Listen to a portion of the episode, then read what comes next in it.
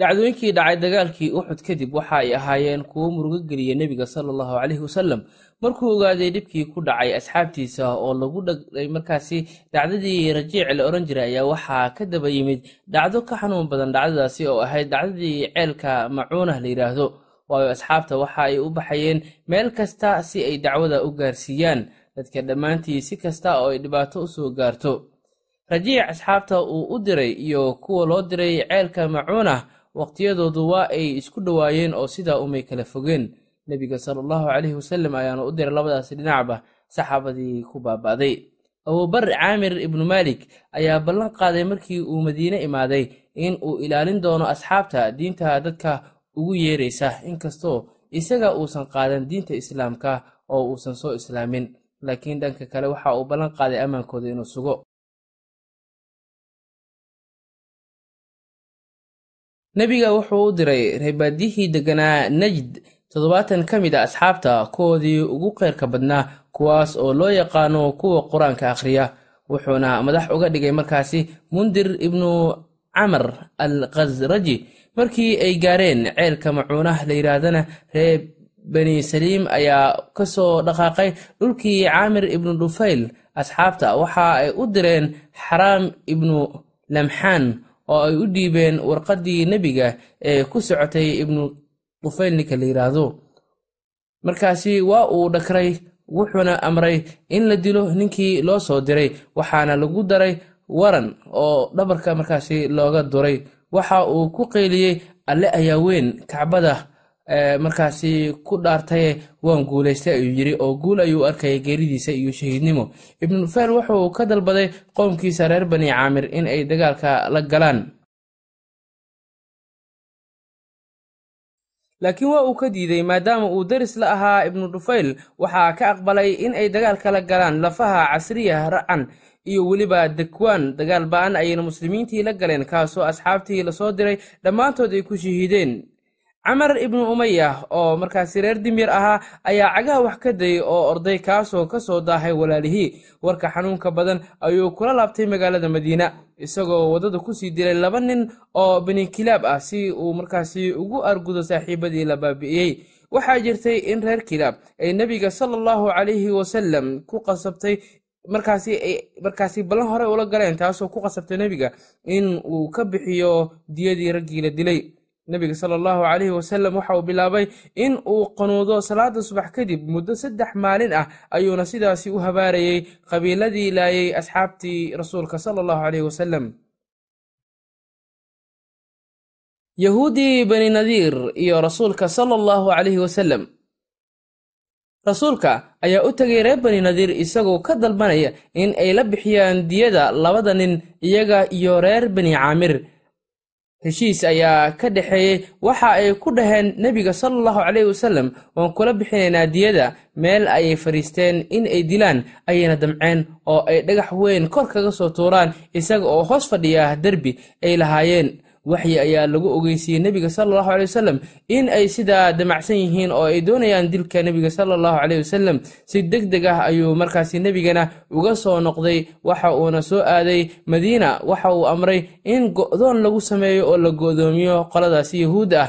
Waxa uuna soo aaday markaasi madiina oo asxaabtii ayuu ku amray sidaasi inay yeelaan.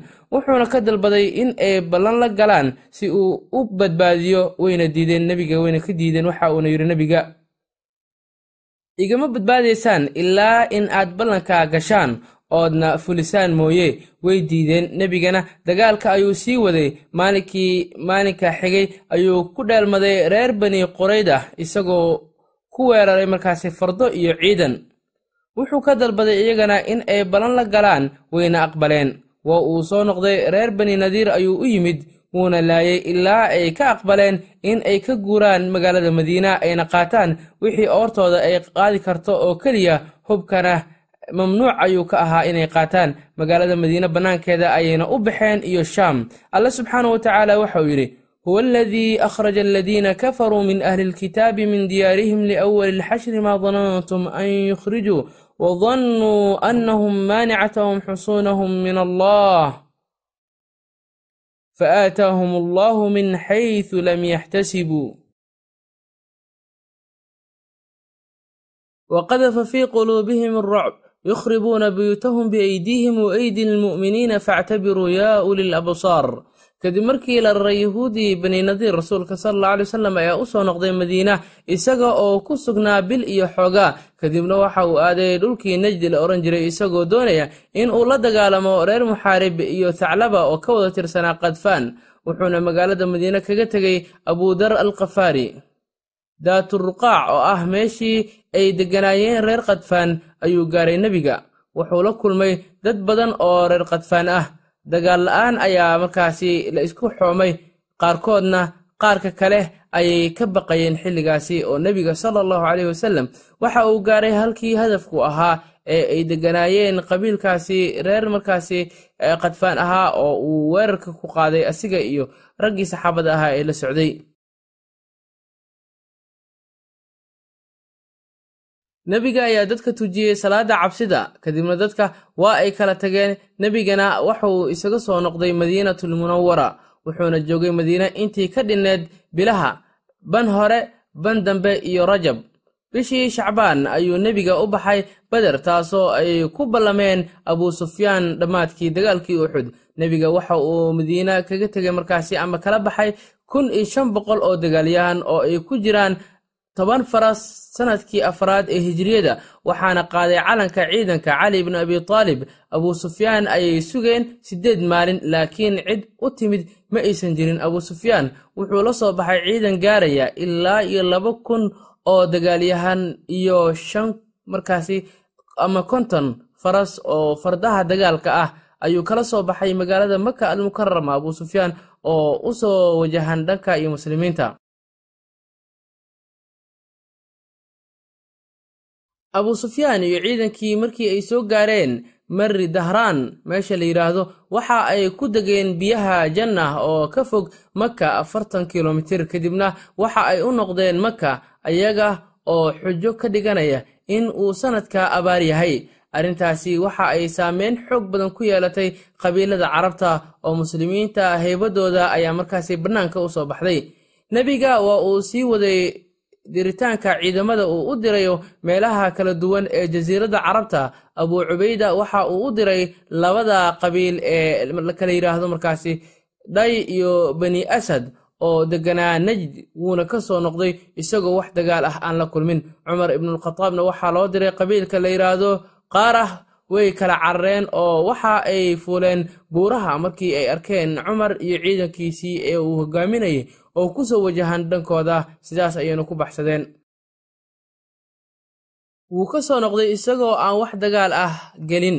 Bilaal ibnu maalikna waxaa loo diray qabiilka kinaanah la yidhaahdo nebigana waxa uu aaday reer laxya kadibna casfaan cumarna waxaa loo diray turbah maxamed ibnu maslamana waxaa asna la aadiyey qurdhaa qabiilka la yidhaahdo oo reer kilaab ka tirsan bashiir al khasrajina waxaa loo diray fadeg qaalib leythina reer marah ayaa loo diray ama murrah. Qaalib al kelbina reer qadiid aa loo diray ama kadiid. Bashiir ibnu sacad reer khaybar ayaa loo diray kacab ibnu cumeerna reer adlaax. Cabdiraxmaan ibnu cawfna reer kelb cali ibnu abi taalibna reer fadeg ayaa loo diray cusmaan ibnu cafaanna waxaa loo diray reer huda. Ibnu rawaaxana reer khaybar si uu markaasi u taageero cali bin abi taalib oo halkaasi ku wajahnaa waxaa soo gaaray nebiga in dowmatal jandal meesha la dhaho ay joogaan koox waddada dadka u gala oo dulmiya cid kasta oo soo marta dowmatal jandal. Waxaa ku yaalla suuq weyn ganacsi xooglena waa uu ka jiray. Dad badan ayaa isku urursaday ayagoo damac uu kaga jiro in magaalada hantideeda ay soo dhacaan nebiga ayaa la soo aaday meeshaasi kun nin oo muslimiinta ka tirsan. Isagoo uu la socdo nin waddada tusiya oo ka tirsan reer bani cudra. Intaysan nebiga iyo asxaabtiisii gaarin ayay dhaceen kooxdii boobayaasha ahaa. Magaalada gaar ahaanna xoolo ayay ka qaateen magaaladii ciddii ka carari kartayna waa ay ka carartay magaalada. Waxaa soo gaaray dadkii meesha degganaa in nebiga sala allahu calayhi wasallam uu u soo socdo dhankooda asiga iyo koox muslimiin ah oo ciidamo ah oo doonaya in burcaddaasi ay meesha ka sifeeyaan kooxihiina marka ay warkaa maqleen way iskaga carareen meesha. Cidna kama harin. Maalmo ayuu joogay nebiga naxariistii nabadgelyo korkiisa aatay halka ciidamo ayuu u diray daafaha magaalada. Geel bis ayayna soo heleen ciidamadaasi marka laga reebo ciidankii lala diray maxamed ibnu maslama kaasoo nin soo qabtay islaamkana u soo bandhigay. Wuuna soo islaamay ninkii. Nebiga ayaa sala allahu calayhi wasalam waxa uu ku soo laabtay magaalada madiina. Banulmustaliq qabiilka layidhaah oo asne qaraabo dhow laah ama la dhashay qabiilada aws iyo khasraj ayaa waxa uu ahaa mid ka qayb qaatay dagaalkii ay quraysh ku soo qaaday muslimiintii maalinkii uxud ee dagaalka culus uu dhex maray gaalada iyo muslimiinta. Wuxuuna ninka odayga u ahaa uu muslimiinta ku soo kicinayay markaasi qabiilada si ay u weeraraan muslimiinta oo ay uga qayb qaataan baabi'inta muslimiinta iyo raayada towxiidka magaalada madiine ayuuna u soo hogaaminayay qabiilada si ay uga qayb qaataan dagaalkii quraysh ee isbahaysiga ahaa. Rasuulka sala allahu calayhi wasalam ayaa waxa uu ogaaday arrinka wuxuu u diray cid soo indha indhaysa oo war sugan ka keenta. Dadkii la dirayna si deg deg ah ayay war sugan kaga keeneen. Nebiga waxa uu u jihaystay reer bani mustaliqa. Isagoo ay la socdaan toddoba boqol oo askar dagaalyahano ah iyo soddon fardood maalin isniin ah ayay bisha shacbaan lagu guda jiro ka tageen halkaasi. Sannadkii shanaad ee hiryada ayaynu ku beegneed wuuna weeraray iyadoo ay ku dul sugan yihiin qabiilkaasi meel loo yaqaano muraysic oo markaasi biyo leh oo xoolahooda ay biyo cabayaan. Wuuna markaasi ku kadiyey nebiga dagaalka. Dagaalyahanadoodii iyo fardahoodiina waa ay kala carareen oo waa uu baabi'iyey intii kalena. Qaniimadoodiina waxa uu kula soo noqday magaalada madiina kadib markii uu ka maqnaa siddeed iyo labaatan maalin. Waxaa ka mid ahaa dadkii ay muslimiinta soo qabsadeen jaweeriya bintu xaarita oo ah gabadha odayga qoomkaasi waxayna nasiibkiisa noqotay taabit ibnu qays. Waxay kula heshiisay in ay lacag bixiso uuna xoreeyo kadibna waxa ay u tagtay rasuulka sal allahu aley wasalam waxay u sheegtay booska ay ka dhex joogtay qoomkeeda iyadoo ka codsatay inuu caawiyo nebiga. Ayaa u bandhigay inuu ka gudo uuna guursado. Way aqbashay asxaabta ayaa iska sii daysay dadkii ay soo qabsadeen dhammaan guurkii dartii. Waxayna markaasi dhaheen waa xididkii rasuulka sala allahu aley wasalam haweenay ka baraka badanna qoomkaasi ma aysan ku jirin. Aabbaheed ayaa madiine ugu yimid. Kuna markaasi yidhi asigoo ka codsanaya nebiga sala allahu alay wasalam inuu gabadhiisa iska sii daayo.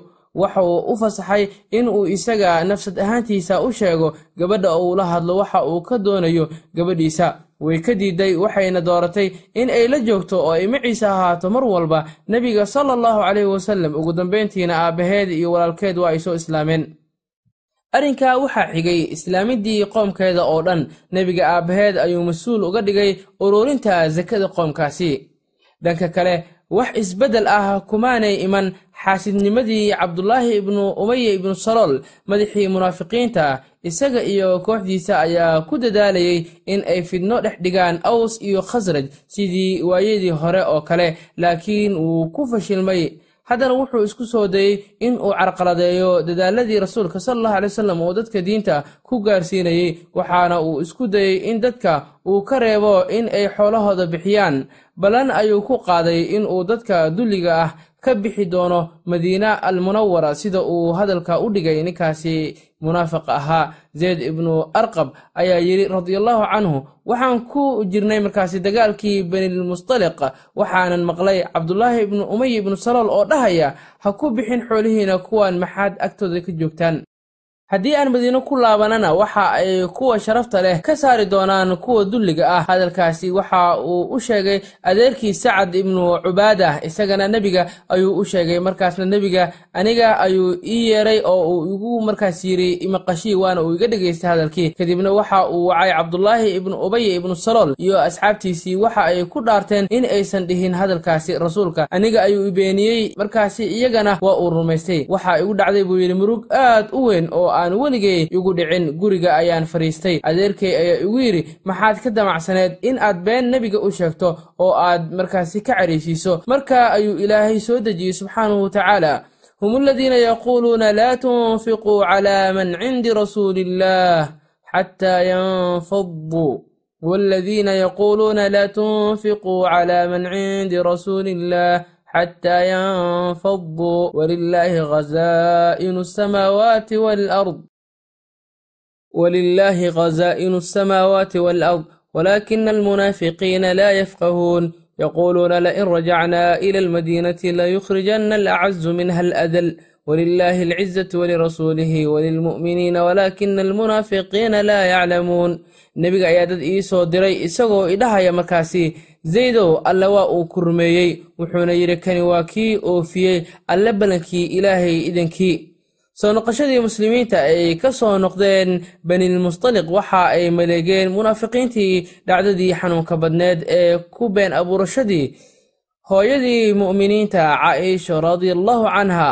waxayna ahayd caaisha mid la socotay nebiga sala allahu calayhi wasalam markii ay asiga iyo muslimiintii aadeen weerarkii lagu qaaday reer bani mustaliq ee markaasi dagaalka culus uu ka dhacay halkaasi soo noqoshadii ayayna dhacday dhacdada been abuurashada soo laabashadii muslimiinta waxa ay ku nasteen meel u dhow madiina waxayna caaisha ka degatay how dajha meel la yidhaahdo oo ahayd meel loo diyaariyo haweenka in ay galaan laguna diyaariyo geela korkiisa markaasoo ay ku noqotay halkii ay ka timid oo waxay raadsatay jijin ay lahayd oo ka luntay markii ay soo noqotayna waxa ay aragtay hashii geel ahayd ama owrkii ay saarneed oo meesha laga kaxeeyey.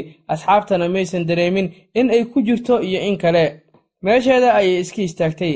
Waxaa soo maray safwaan ibnu mucadal kaas oo ahaa nin reer salaama ah. Wuu gartay wuxuuna ku soo qaaday ratigiisa. Nebiga iyo asxaabtiisa markii ay yimaadeen magaalada madiine kadib ayay iyaguna magaalada soo galeen munaafiqiinta ayaa ka faa'iidaysatay xaaladaasi oo waxay u arkeen fursad ay ku aflagaadeyn karaan ama sharafkii nebiga iyo reerkiisa ay ku xadgudbi karaan. Been abuurad ayayna ku sameeyeen. Ibnu salool ayaa hogaaminayay been abuurkaasi. Wuxuu geliyey dhoobada sidoo kale arrinkaana uu ku saameeyey xasaan bin thaabit gabyaagii nebiga xamnah ibnu jaxsh iyo misdax ninka la yidhaahdo aad ayay u faaftay arrinkii ilaa ay gaartay madiine oo dhan. Rasuulkana aad ayuu u murugooday. Munaafiqiintana sharafkiisa ayay meel kaga dhaceen. Way ku xeel dheeraadeen been abuuradkii ay ku sameeyeen nebiga iyo xaaskiisa. Nebiga wuxuu masaajidka ka ogeysiiyey dadka kalsoonida uu ku qabo xaaskiisa iyo saaxiibkiiba ibnu mucadal sacad ibnu mucaad ayaa muujiyey sida uu uga markaasi diyaarsan yahay ama uu u ogol yahay in uu dilo qof kasta oo arrintaasi dhex muquurata oo wax ka sheegta rasuulka sharafkiisa haddii uu ka tirsan yahay aws laakiin sacad ibnu cubaadah kamana raali ahayn arrintaasi mana ka raali noqon. Waayo tuhmada waxa ay ku foorartay nin ay isku reer yihiin. Waxay ku sigteen in fidno uu ka dhex dhaco labadooda qabiil caaisha allaha ka raali noqdee way la xanuunsatay beentii laga faafiyey darteed waxayna aaday guriga aabbaheed waxyigana bil in ka badan ayuu go'ay intaana waa la durayay nebiga sharafkiisa. Intaa kadib waxyigii ayaa yimid waxaana soo degay aayadihii beri yeelay mu'miniinta hooyadood. Caaisha allaha ka raali noqdee waxa uu yidhi allah subxaanahu watacaala إن ina aladiina jaa uu bilifki cusbatu minkum laa taxsabuuhu sharan lakum bal huwa khayru lakum likulli imri'in minhum maktasaba min alif waaladii tawallaa kibrahu minhum lahu cadaabun aliim qur'aanku waxa uu canaantay dadka markaasi ku dhacay shirqoollada munaafiqiinta ay maleegeen ee muslimiinta ahaa ee iyagoo wanaagsan shirqoolkii munaafiqiinta ku dhacay oo shaki la geliyey islamarkaana ku sigtay in ay rumaystaan hadallada munaafiqiinta. Xamna masdax iyo xasaan ayaa ka mid ahaa dadkaasi la canaantay lowlaa id samictumuuhu danna almu'minuuna waalmu'minaati bianfusihim khayra wa qaaluu hada ifkum mubiin sidoo kale qur'aanka waxa uu hoosta ka xariiqay mowqif wanaagsan oo asxaabta qaar ay qaateen jeceylkooda nebiga xaasaskiisa iyo weliba ehelkiisa ay jecel yihiin waxaana ka mid ahaa abu ayuub iyo ummu ayuub markii ay maqleen been abuuradka nebiga alla waxa uu yidhi lowlaa id samictumuuhu qultum maa yakuunu lana an natakallama bihada subxaanaka hada buhtaanun cadiim abubakar waxa uu waxsiin jiray inanka ay dhashay habaryartii ee misdhax la yidhaahdo ibnu athaath wuxuu markaasi ku dhaartay in uusan waxba siin doonin waayo waxa uu ka qayb qaatay wasaqaynta iyo sumcadilka lagu sameeyey gabadhii abubakar sidiiq caaisha radiallahu canha waxaa soo degtay aayadda qur'aan ee odhanaysa ha ka joogsan wanaag aad samayn jirtay idinkaba alle inuu idinka dembi dhaafo soo ma doonaysaan. Walaa ya'tali ulilfadli minkum wasicati an yu'tuu ulilqurba ilaa laga gaaro alaa tuxibuuna an yakfira allaahu lakum wallaahu ghafuurun raxiim. Markii ay soo degtay suuraddii beriyeelidda markaasi caaisha ayuu abuubakar ku yidhi kac oo markaasi istaag rasuulka ilaahayna aad. Waxay tidhi alle ayaan ku dhaartaye uma istaagayo umana mahad celinayo ilaa alle mooye allahaasoo markaasi soo dejiyey berinimadeeda. Nebiga waxa uu markaasi xadulqadaf ku fuliyey dadkii lagu soo eedeeyey ama markaasi ku xadgudbay ee caaisha sharafkeedii ku xadgudbay waxaana lagu xukumay oo lagu dhuftay siddeetan jeedal oo karbaash ah oo xad ah markaasi xadulqadaf la yidhaahdo sidaas ayaana lagu fuliyey dadkii xadulqadafkaasi mutaystay. Allah waxa uu yidhi huma lam ya'tuu biarbacati shuhadaa fajliduuhum hamaaniina jaldah walaa taqbaluu lahum shahaadatan abada wa ulaa'ika hum alfaasiquun ila aladiina taabuu min bacdi dalika wa aslaxuu fa ina allaha gafuurun raxiim dagaalkii qandakh muslimiinta waxa ay sii wadeen dhaqdhaqaaqyadii ay ka wadeen dhammaan daafaha jasiiradda carabta waxaana ay mar kastoo handadaad joogta ku hayeen waddooyinka uu quraysh ganacsiga u soo maro. Nebiga waxa uu ka raray magaalada madiina reer qaynuqaac iyo nadiir. Qurayshna si ay muslimiinta u dhibaateeyaan waxay isbahaysi la samaysteen yahuuddaasi markaasi meeshaasi laga raray ee madiine laga musaafuriyey.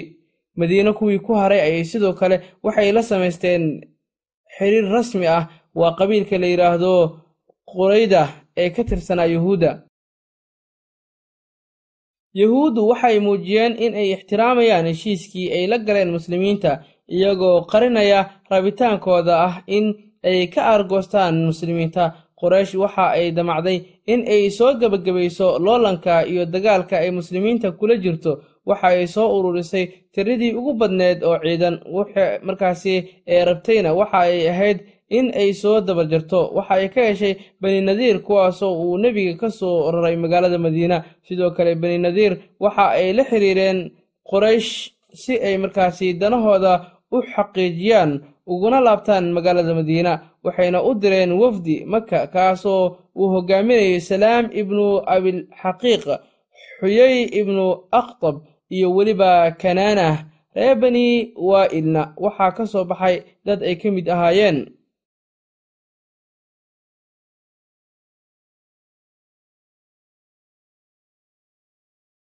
Howdah ibnu qays iyo abu camaar waxayna isku bahaysteen in ay la dagaalamaan nebiga.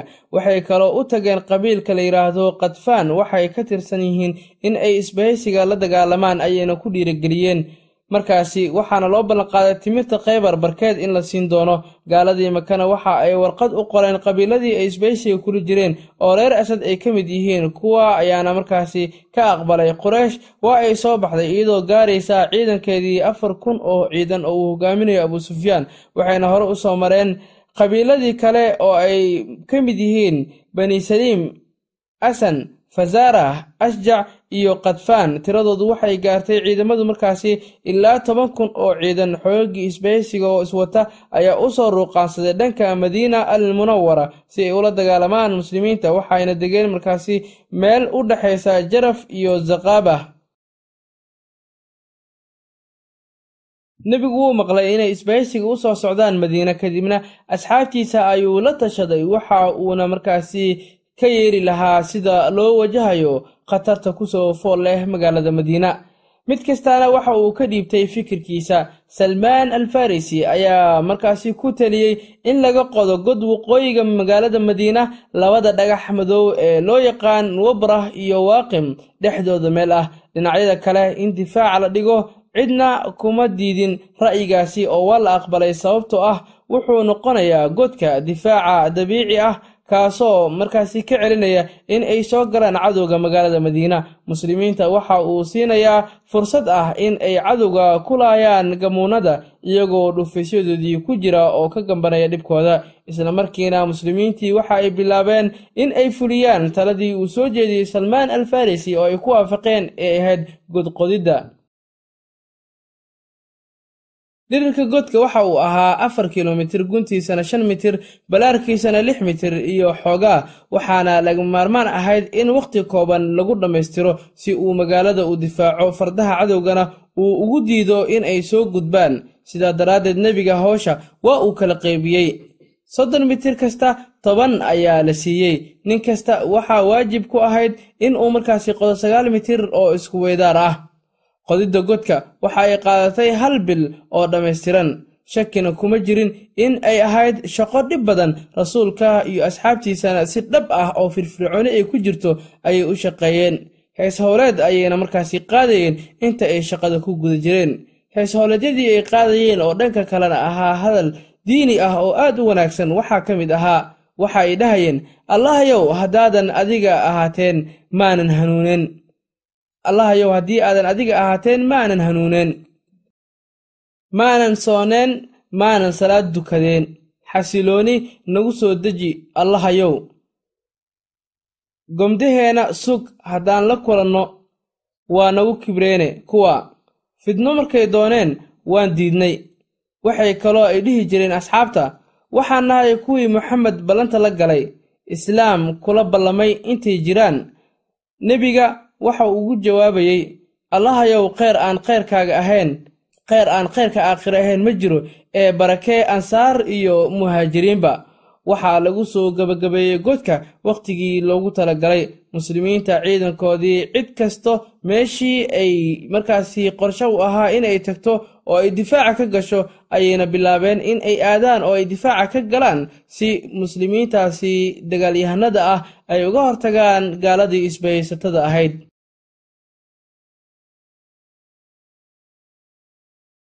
midig iyo bidix. Waxaa muslimiinta ka difaacayay dhagax madow weyn waaqim iyo wabrah waqooyigana. Waxaa laga qoday markaasi god aysan cadowga soo dhaafi karin koonfurtana ciidan ayaa la geeyey nebiga ciidamada.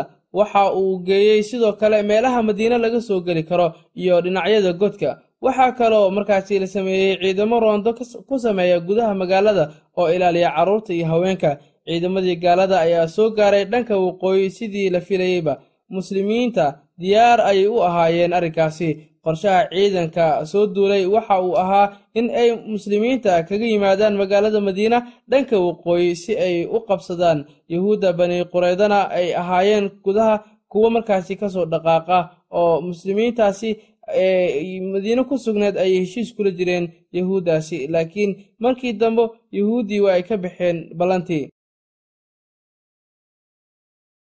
nebiga wuu ogaaday dhagarta iyo khiyaanadii jirtay. Wardoonkii ugu horreeyey ee uu dirana wuxuu ahaa zubayr ibnu cawaam kadibna wuxuu diray sacad ibnu mucaad iyo sacad ibnu cubaada. Waxay markaasi si dhammaystiran u soo ogaadeen in ay jebiyeen yahuudda ballankii ay jeexjeexeen warqaddii heshiiska lagula galay ee lagu qoray laakiin reer markaasi sacfad oo iyaga ka mid ahaa ayaa iclaamiyey in aysan markaasi ka bixin ballankii ay la galeen nebiga oo ay weli ilaalinayaan. Waxyaabihii lagu heshiiyey muslimiinta waxaa markaasi ka mid ahaa oo dhex martay labadaasi in aan muslimiinta dhagar lagu samaynin waxayna u baqeen haweenkoodii iyo carruurtoodii qur'aanka ayaana tilmaamay xaaladda adag oo ay galeen muslimiinta. Id jaa'uukum min fawqikum wa min asfala minkum waid zaaqat alabsaaru wabalagat alquluubu alxanaajira watadunnuuna biاllaahi dunuuna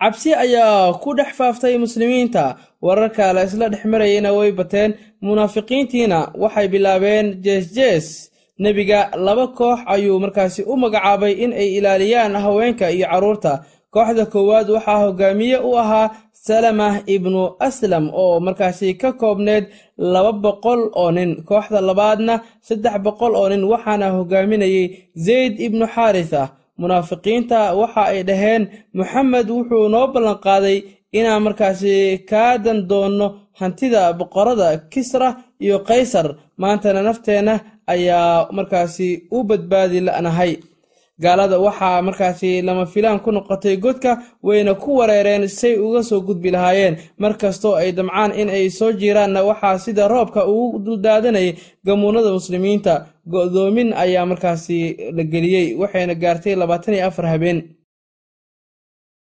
weerarada gaalada waxay ahaayeen kuwo markaasi isxigxiga ilaa maalin maalmaha ka mid ah uu nebiga salaada casirka dib uu u dhigay ilaa laga gaaro maqribka kadib. Inkastoo go'doominta ay dheereed haddana khasaaraha labada dhinac ma badneen. Muslimiinta waxaa ka shahiiday siddeed nin halka gaalada ay markaasi ka dhinteen afar nin. Nebiga waxa uu u diray fariin labadii hogaamiye ee reer kadfaan cuyeynah iyo xaaris wuxuuna u markaasi bandhigay saddex kameel miraha magaalada madiine ka soo go'a in ay qaataan taa beddelkeedana in ay iskala noqdaan ciidankooda wuuna qoray arrinkaa in markaasi la dhaqangeliyana waxa uu shardi uga dhigay in ay aqbalaan dadka reer madiina. Wuxuu u yeeray sacad ibnu mucaad iyo sacad ibnu cubaadah arrinka ayuuna markaasi u bandhigay nebiga waxayna dhaheen markii uu u bandhigay arrinkaasi ah in markaasi xoolaha madiine qaybtood la siin doono rasuulkii allow arrinka midaad jeceshahay miya amase waa mid markaasi uu allaah ku amray oo waajib ah in la sameeyo ama waa waxaad annaga darteen u samaynaysid wuxuu ku yidhi nebiga waa waxaan idinkaa idiin samaynayo waayo carab ayaa isukiin soo bahaysatay in ay idinla dagaalaan ayayna doonayaan. Sacad ibnu mucaad markaasi ayaa waxa uu yidhi rasuulkii allow kuwa iyo annaga waxaan wada ahayn gaalo allana maynaan garanaynin dhammaanteen. Iyagana maysan soo damci jirin markaasi in ay xoolaheena cunaan. Ilaahay markii uu nagu mannaystay islaamnimo miyaad doonaysaa nebigii allow in ay xoolaheena markaasi bannaystaan oo aynu siinno oo ay cunaan dan noo geysan arrinkaa ma jirto. Alle ayaan ku dhaartaye ma siinayno ilaa in ay seef nooga qaataan mooye. Allana uu markaasi na kala xukumiyo. Nebiga ayaa yidhi haddaba saad jeceshahay ayaan samaynaynaa markaas. Sacad ayaa warqadii qabtay oo ka tirtiray wixii ku qornaa. Kadfaanna waxa ay ogaadeen mowqifkan ay muslimiinta qaateen markaasi macnaha uu leeyahay waxayna ogaadeen si ay muslimiinta diyaar ugu yihiin in ay dagaalamaan oo aanay ka laaban dagaalka. Go'aankaas ayay markaasi ogaadeen oo fariintii ayaa si rasmiya u gaartay